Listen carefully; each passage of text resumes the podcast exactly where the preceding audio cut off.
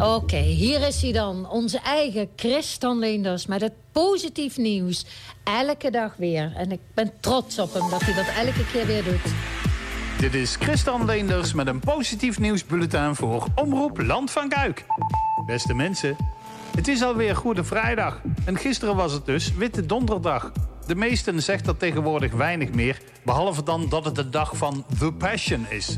Gisteren ook gekeken? Ik wel. Het is toch een soort van kerkdienst thuis, maar dan zonder priester en communie. In ieder geval wordt het verhaal van Jezus weer eens verteld. En dat vind ik fijn. Een verhaal van onder andere hoop. En dat is iets wat we niet mogen verliezen. Hoop dat het goed komt. En tot die tijd kunnen we wel wat positiviteit gebruiken. En dus is hier weer onze dagelijkse dosis harten onder de riem.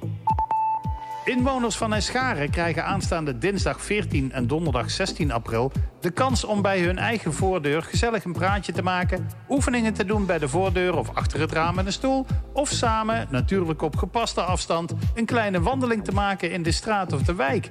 Dan komen namelijk enkele medewerkers van fysiotherapiepraktijk Bardoel van Lier iedereen uitnodigen om letterlijk gezellig samen in beweging te komen. Al dus het briefje dat ze vanmorgen persoonlijk in de brievenbussen kwamen doen.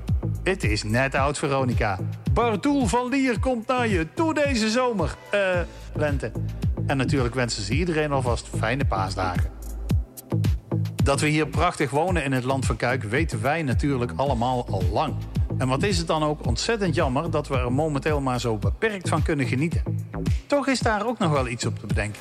In het Land van Kuik magazine zijn zo ongeveer alle mooie plekjes en bruisende activiteiten gebundeld. Met op de voorplaat Willem van Oranje en zijn eerste echtgenote Anna van Egmond, die in Graven is geboren, wordt bijzonder goed weergegeven dat er ook voldoende historie te vinden is in deze prachtige regio.